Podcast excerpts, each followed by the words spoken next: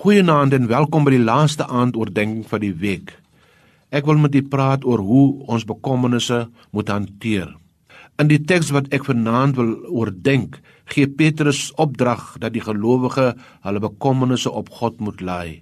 Hy sê in 1 Petrus 5:7: "Werp jou bekommernisse op Hom, want Hy sorg vir jou." As 'n mens jou daaglikse bekommernisse, spanning en stryd probeer dra, is dit 'n teken dat jy nog nie jou lewe volkome aan die Here toevertrou het nie. Om te erken dat jy hulp nodig het, dat God waarlik omgee en selfs toelaat dat ander gelowiges jou help, verg nederigheid. Selfbekommernisse wat ons deur ons eie domheid oor onsself gebring het, kan ons ook by God gaan aflaai.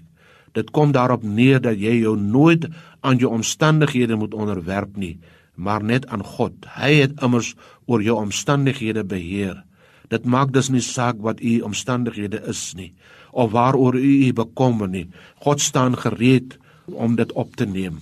Hy is gewillig om dit vir ons te dra. Jesus was nie net gewillig om ons bekommernisse te dra nie, maar ook ons sondes. Daarom het hy in ons plek die kruisdood verduur. Hy staan gereed om ons te help.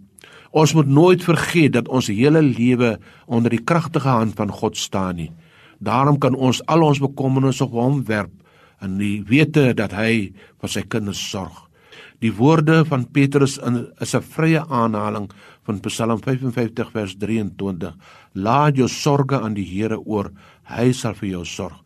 Dit stem ook ooreen met die leer van Jesus om oor niks besorg te wees nie omdat die hemelse Vader weet wat sy kinders nodig het.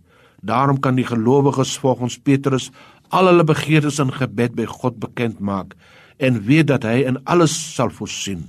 Wat 'n wonderlike troostwoord is dit nie vir ons wat so dikwels ons eie las wil dra nie.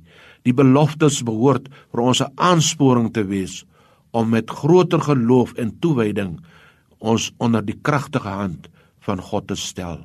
Amen.